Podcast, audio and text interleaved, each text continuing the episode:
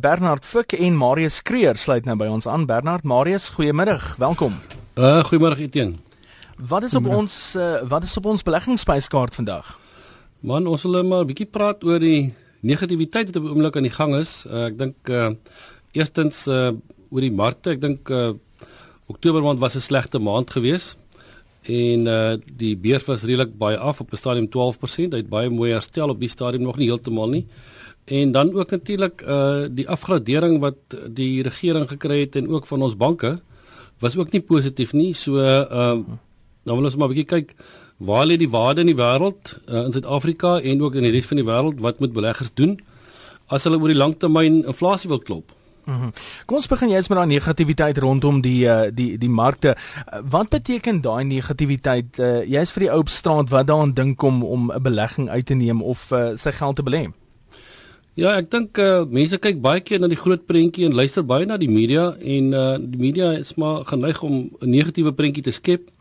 Uh, mense moet jouself afvra die feit dat ons groeikoers baie laag was die afgelope jaar en tans nog is en ons aandelebeurs het die vorige jaar ek dink 23% gedoen, hierdie jaar omtrent so 16%. Ten spyte van die van die swak groeikoers, sal mense dan vir jou vra hoe kry maatskappye dit reg om uh, nog so te groei? En ek dink die antwoord uh is net dat ons belê nie in maatskappye wat net in die Suid-Afrikaanse beurs blootgestel is nie. Ek dink Bernard, daar's 'n hele paar wat ons kan noem wat waarin ons uh, beleggers se geld belê wat regtig eintlik spelers is wat deesdae baie klein deel gedeelte van hulle inkomste in Suid-Afrika kry. Ja, dis reg Marius, ek dink as jy kyk na maatskappye soos MTN, ek meen 'n groot deel van hulle inkomste deesdae kom uit Nigerië uit. Uh Sasol uh, Naspers Richmond, jy weet groot komponente van die Suid-Afrikaanse aandelebeurs is inderdaad nou internasionale maatskappye en dit 'n relatiewe klein blootstelling tot die SA ekonomie. Bernard, wat veroorsaak hierdie negativiteit op markte? Ek, ek dink in die kort termyn wat nou maar in Oktober gebeur het was die nuus uit Amerika dat hulle ehm um, hulle stimulasie van die ehm um, ekonomie in Amerika gaan begin terugtrek. Die Engelse term quantitative easing, hulle dit begin ehm um, weet verminder en en uiteindelik gestop. Uh en dit het 'n bietjie tot uh weet 'n refleksreaksie gelei dat ehm um, beleggers wêreldwyd het het probeer om risiko van die tafel af te neem en natuurlik die, die manier om te doen is om uh ontwikkelende markte in jou portefeulje te verminder en dit het uh, gelei dat die mark ek dink die alle aandele het, het afgekom na omtrent um, 47000 punte toe. Uh maar dit is net weer herstel, is nou weer oor die 50000. So dit was maar 'n uh, die die terme is volatiliteit, ons het 'n het 'n hmm. prysbeweging gekry. Uh Ehm um, so jou jy dalk bietjie ongemaklik ge, gelewe vir daai rukkie. Maar jy het nie 'n verlies gerealiseer indien jy nie ehm um, weet verkoop het nie. So as jy 'n uh, uh jy weet risiko van die tafel afgeneem het en, en geskrik het en jou geld uit die beurs uitgeneem het dan natuurlik het jy daai verlies gekristalliseer. Mhm. Mm ek dink ek wil miskien net byvoeg. Dit is dit is presies wat die verskil tussen volatiliteit of wisselvalligheid. Ek weet volatiliteit is nie 'n mooi naam nie, 'n mooi woord nie. Ehm um, en en risiko is risiko is nie altyd volatiliteit of wisselvalligheid nie.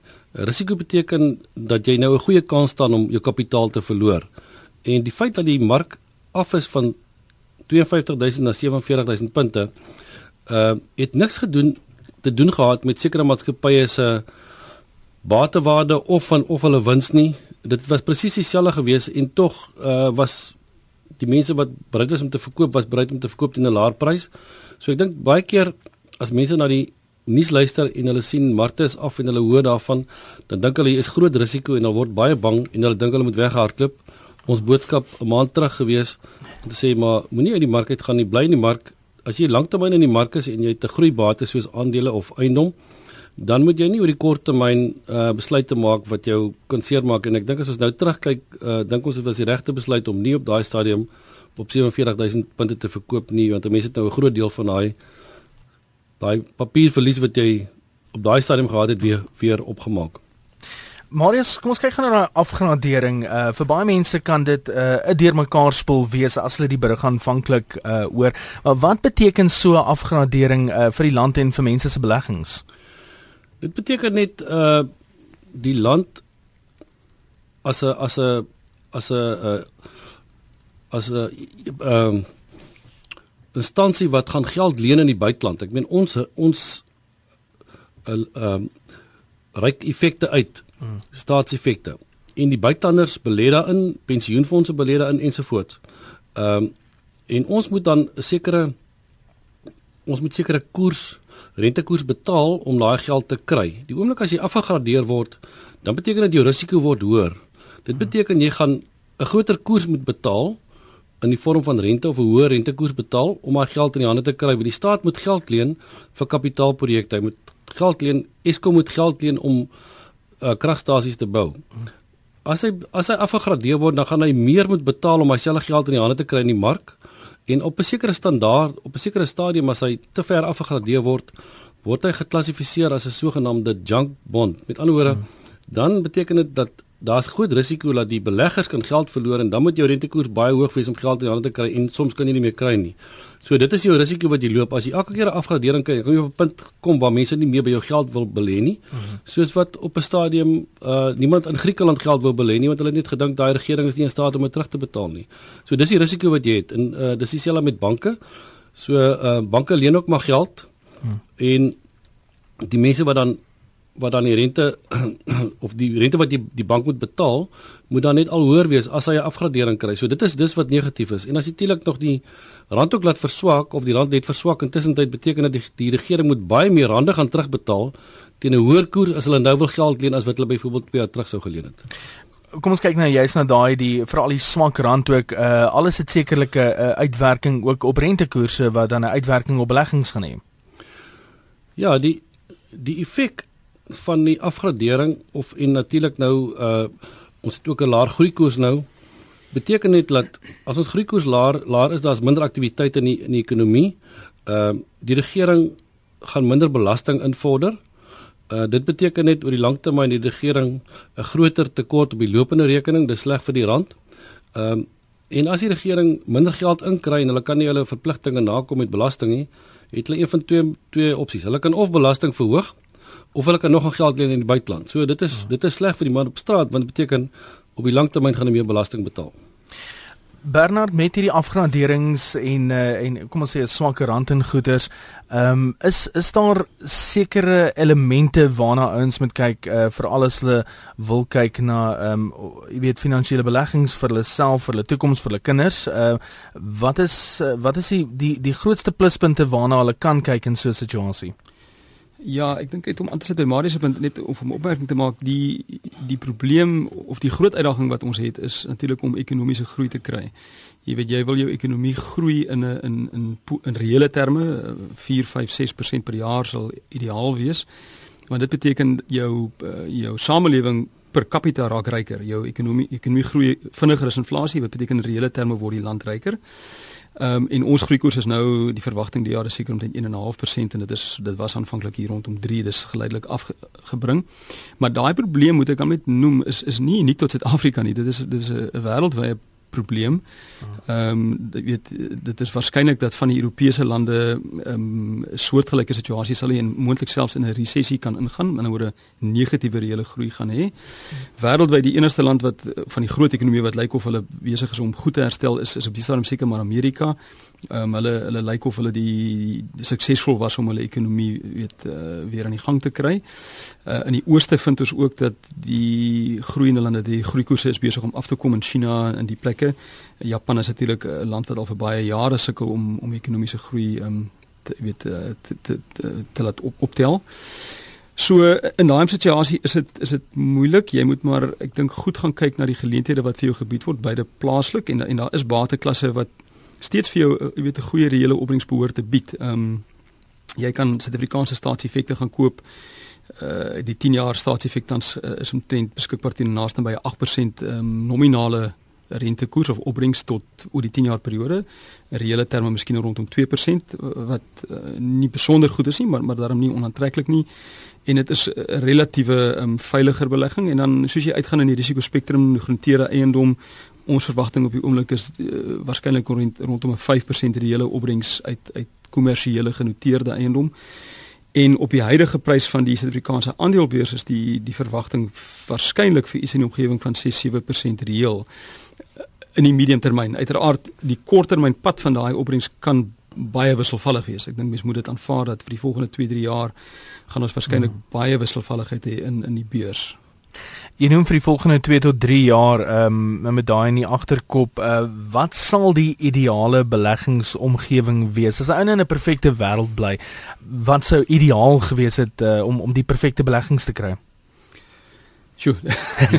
ek weet nie wat genoeg tyd gaan hê nie. Uh, ek weet net ek dink dit kom terug na ekonomiese groei. Jy wil 'n ekonomie hê wat wat uh, wat wat sterk groei, ehm um, waar werk werkgeleenthede geskep word, ehm um, wat sal belei daartoe dat maatskappye se winsgewendheid gaan groei. So maatskappye maak wins en maak groeiende wins, neem as gevolg daarvan meer mense in diens en en besighede groei. Dit is die perfekte situasie sou ek dink. Miskien by ons het teen uh, omdat hmm. ons 'n uh, redelike land is van wat wat uh, ryk is aan kommuniteite is, die perfekte situasie by ons was gewees toe China gegroei het met 13 en 14% en dat ons sit in baie kwantiteite gebruik. So hulle moet roumateriale koop. Hulle bou paaie, hulle bou spoorlyne, hulle baie koper gebruik in hulle geboue. En uh dit was natuurlik vir ons baie goed want ons kon toe baie meer uitvoer. Ja. Omdat daai vraag af afgegaan het en ek dink in die in die hele wêreld het het die pryse van ekonomie van uh uh kommuniteite ook afgekom. Ek dink uh Eyster is nou amper by die 60% af van die hoogteprys af, hoogtepunt af. So dit is vir ons belangrik dat dat daar groei dat daar groei in die wêreld moet wees, ekonomiese groei en China is was die groot drywer gewees van van kommuniteite en uh dis hoekom kommuniteite se pryse is baie af. Ons myne doen baie swak, ons kommuniteite maatskappye doen baie swak. En natuurlik as jy nou bygooi arbeidsonrus, ehm um, die uh, probleem wat ons het met uh, kragvoorsiening, elektrisiteit waar daar tuinde minder produksie is omdat daar nie genoeg elektrisiteit is nie, kragonderbrekings mm -hmm. wat die produksie verlore gaan. Uh dit is nog slegter vir daai maatskappye en ja, so dit dit moet omdraai vir ons om 'n baie goeie situasie te hê. Uh ons verbruiker alleen kan nie die ekonomie dra nie. Uh en ons belastingbetalers kan ook alleen nie die staat dra nie. Die staat moet meer belasting inkry van maatskappye en maatskappye moet beter wins maak en ons het meer groeikoers in mm -hmm. ons land nodig. Ek ek wil jy's gou-gou net raak aan China ook jy het genoem van China en en, en sy groeikoers. Uh, maar hoe kry 'n land so China dit reg om die afgelope paar jaar se fenominale groei uh, te bewerkstellig en ook te behou? Uh, ek kan 'n vinnige kommentaar gee. Ek, ek hmm. dink dit uh, weet in daai spesifieke land hulle hulle het dramaties geïndustrialiseer en daar was 'n groot beweging van hulle hulle um, mense uit 'n uh landelike omgewing na die groot stede toe. En weet, weet soos Marius gesê dit het vereis dat hulle moes investeer in in paaie spoorweë uh, lughawens en dies meer. Uiteraard geboue kantore en dies meer. So dit het dit was het, ek dink dit was sentraal beplan eh, eh, uiteraard in terme van hulle politieke bestel het hulle gesê dit is wat ons wil doen en hulle het ehm um, dit eenvoudig deurforceer. Dit is natuurlik 'n bietjie meer van 'n autoritaire staat, so hulle kan sekere besluite eenvoudig deurvoer en mense is eenvoudig weggeskuif om plek te maak vir damme en dies meer. Ehm um, maar dit het tot gevolg gehad dat uh, hulle hulle daai dubbel syfer reële um, ekonomiese groei kon kon ervaar veroorsaak iets soos 'n swak ekonomiese groei dat mense eerder wegbly van uh, beleggings af? Ek dink dit is 'n kombinasie ehm um, kombinasie van uh, faktore wat bepaal of jy in 'n land sal belê. Ek dink ehm um, as jy dink die ekonomiese ekonomiese groei gaan swak wees, met ander woorde, jy gaan nie regtig uh jou maatskappy vinnig kan groei nie. Dit sal dit sal 'n faktor wees. Een van die ander faktore sal natuurlik wees uh hoe jy oor die bestuur van die land voel uh, hoe arbeidswetgewing lyk ensovoorts.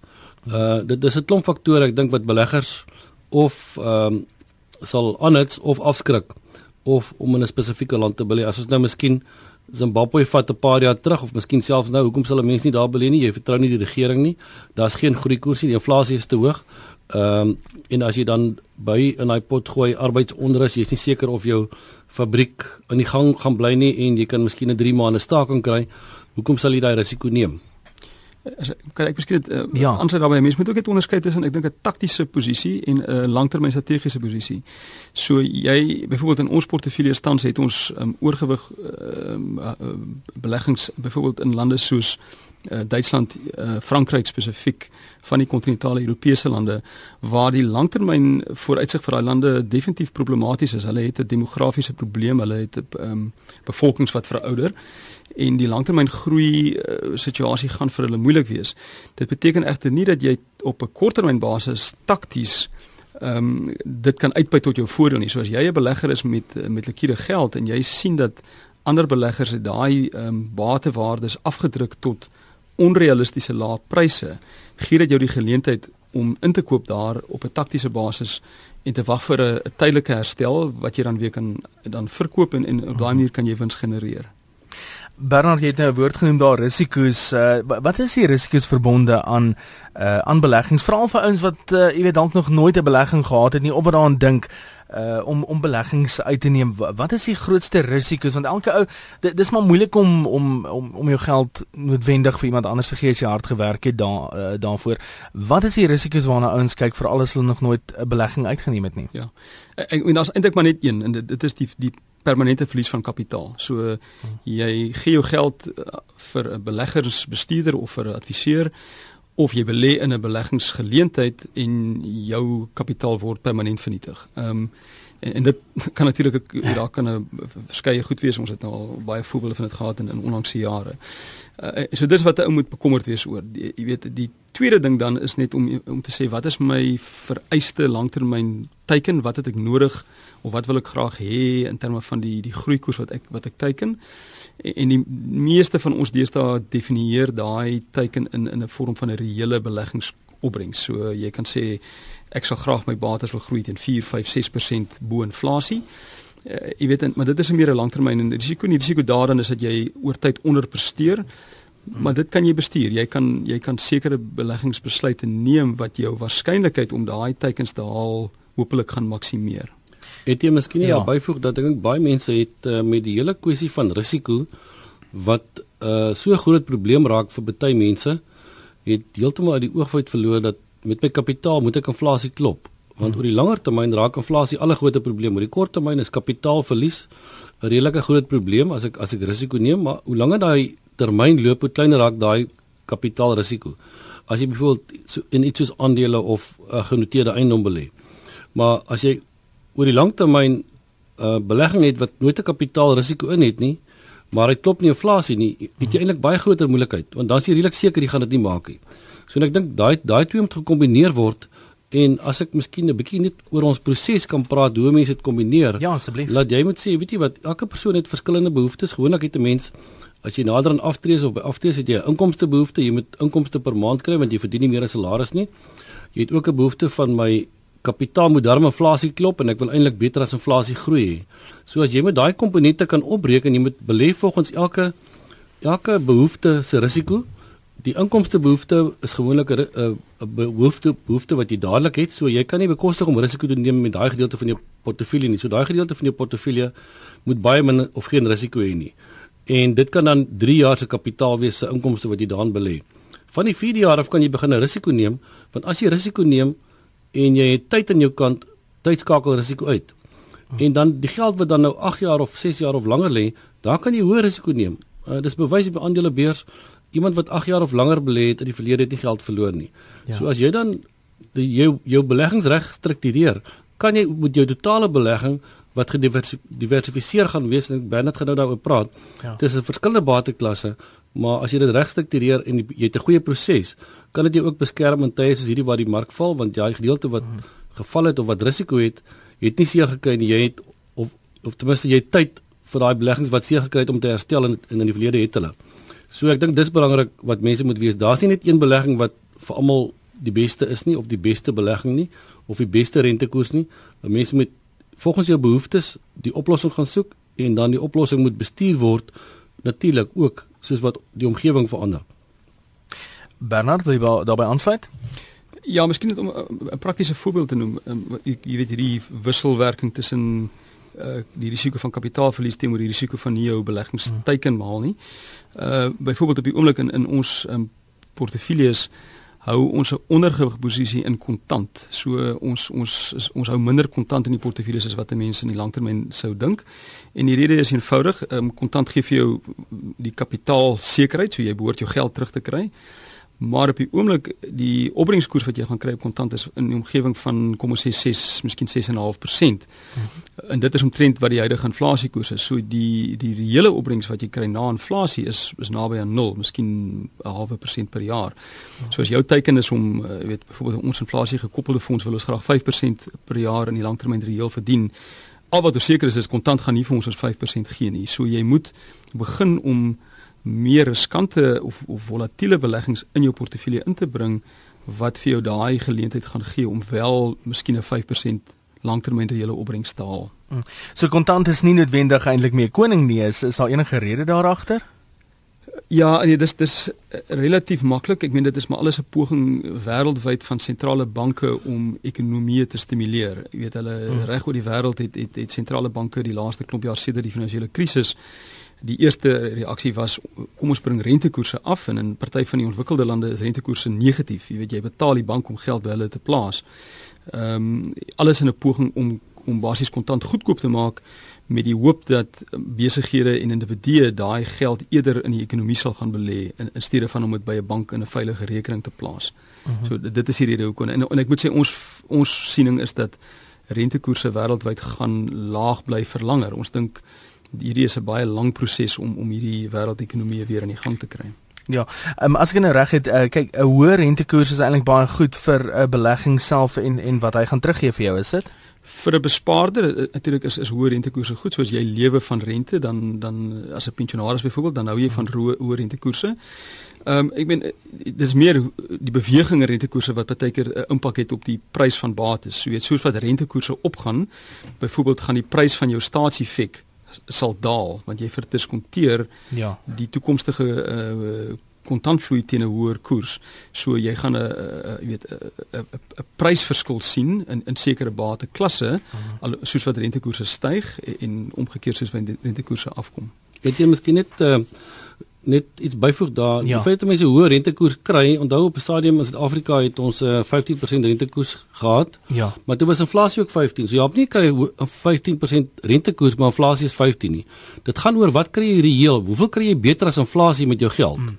So uh mense moet nie net sê 'n hoë rentekoers is goed nie. As ons nou weer 10% uh, rente kry en inflasie is bly 6, natuurlik is dit goed. Ja. Uh maar as inflasie dan ook 10 word dan Dan as jy maar net waar jy nou is met 6 en 6% inflasie. So so hulle kanselleer mekaar maar basies net uit dan. Ja, as jy met ander as rentekoerse baie hoër as inflasie is, dan is dit beter of dan is dit goed, maar oor die algemeen is hulle nie baie hoër nie en dis ook mos as jy na die geskiedenis kyk en jy vat 'n 200 jaar geskiedenis, het geld in die bank wat jy rente wat jy gekry het by die bank nooit inflasie geklop nie. Uh mhm. -huh. So dit was nie die beste belegging nie. Die beste belegging was gewees om die bank se aandeel te hou. Jy sou ja. baie beter gedoen het want daar het jy verdienste groei gekry, jy dividend groei gekry en ehm uh, as jy 'n bank gebruik so Standard Bank het jy 15 tot 20% verdienste groei gehad hmm. of dividend groei oor 'n baie lang tydperk. So dit was baie beter om die bank se aandeel te hou, maar oor die kort termyn het, het mense gedink daar's risiko en daarom het hulle eerder geld in die bank op 'n vaste deposito belê. Net so so um, ons ons tyd is besig om uit te hardloop maar wanneer moet 'n ou daaraan dink om om jou belegging aan te pas veral as jy kyk na rentekoerse en inflasie uh, wanneer uh, behoort 'n ou jou jou belegging dan aan te pas daarvolgens Ek dink as jy die oomblik die dag as jy jou geld vir die eerste keer belê, behoort jy 'n behoorlike beplanning te doen of te laat doen om seker te maak dat jy met jou totale belegging inflasie gaan klop. Ehm um, jou korttermyn geld wat jy nodig gaan kry oor die korttermyn in jou noodfonds, dit kan jy in die bank hou, dit kan jy op geldmark hou. Jy weet jy weet jy gaan dit opgebruik. Maar geld wat jy weet wat moet daar wees om vir jou vir die langtermyn te sorg. Daai geld moet vandag een af moet jy in bates belê. Groeibates en groeibates is maar aandele en eiendom wat oor die langtermyn vir jou gaan uh inflasie klop. En op die oomblik voel ons natuurlik dat buitelands ons het nog nie daaroor gepraat nie dat buitelandse eiendom en buitelandse uh aandele is goedkoper as plaaslike aandele. En 'n mens maak maar jou geld op grond van wat jy betaal het. En anders as jy te veel betaal, gaan jy nie baie 'n goeie kans hê vir wins maak nie. So as jy die bate goedkoper kan koop, het jou kans vir wins groter. En daarom sê ons buitelandse aandele nog altyd is ons eerste keuse uh as 'n mens na bates reg oor die wêreld kyk en sê maar waar wil 'n ou nou belê om die beste moontlike opbrengs te kry oor die volgende 10 jaar? Net oor oor daai buiteland ook ehm um, Marius, hoe moeilik is dit uh vir vir die leek op straat wat sy geld het, hy wil sy geld vermeerder. Maar hoe moeilik is dit werklik om in die buiteland of uh in in in ehm um, vaste uh, vaste bates of of in markte in die buiteland te belê? Hoe moeilik is dit werklik? Ja, dit is baie maklik. Jy kan 'n uh, ehm um, kollektiewe beleggingsskema of 'n effekte trust koop wat 'n buitelandse fonds is, dis 'n bateruil fonds en jy kan die volle blootstelling kry, jy kan al die buitelandse maatskappye besit binne kan daai bate of jy kan jou geld fisies direk uitvat uh via die reservebank. Uh Jy kan 'n 4 miljoen per jaar uitvat, jy kan 'n miljoen rand vat sonder enige toestemming. En jy kan dit in 'n buitelandse aandeleportefeulje gaan belê, jy kan buitelandse effekte gaan koop, jy kan buitelandse eiendom koop in 'n fonds of direk of jy kan 'n fisiese bate gaan koop as jy voel jy wil direk in 'n eiendom belê in Londen of Wakel. So mm -hmm. niks stop jou om te doen nie as jy die kapitaal het kan jy dit uitvat. Net so laaste vraag uh, ter afsluiting. Hoekom is dit en dit dis 'n vraag wat deurgekom het op uh, op my e-pos op hierdie oomblik is uh hoekom is dit wanneer die minister van finansies reg oor die wêreld iets sê veral uit lande soos Amerika, Brittanje, Suid-Afrika, hoekom is dit wanneer hulle iets sê en dit is net gedeeltelik negatief dan val die markte? Ja, ek dit is maar 'n die mark te probeer maar uh, vooruitskat in terme van wat gaan uh, met hierdie ekonomie gebeur. Ja. En tipies wat gebeur is die die minister van finansies of die sentrale bank uh, hoofde maak uitsprake wat vir die markte dan uh, moontlike aanduiding gee van hoe die, die politici byvoorbeeld rentekoerse sien. Ek bedoel uiteindelik word baie van hierdie goed gedryf deur rentekoersbewegings. So as die Amerikaanse sentrale bank sê, jy weet ons dink rentekoerse gaan vir 'n jaar of twee nog baie laag bly, dan is dit tipies baie positief. Uh beleggers dink is 'n dis 'n goeie omgewing. Uh geld is goedkoop, weet ons kan ons kan aangaan. Maar die oomblik wat hulle begin aandui dat weet daar is ehm um, rentekoerse gaan moet styg, dit tipies gebeur wanneer daar inflasie druk in die ekonomie is. En jy weet dit is wanneer sentrale banke rentekoerse gaan begin lig om inflasie teen te werk. Dit is tipies dan negatief. So dit is maar alles ehm um, jy weet reaksie op uh, in 'n poging om om vinniger te beweeg as ander. Dis nie noodwendig reg nie. Ek ek ek hmm. praat dit nie noodwendig goed nie, maar dit is maar ongelukkig wat tipies gebeur.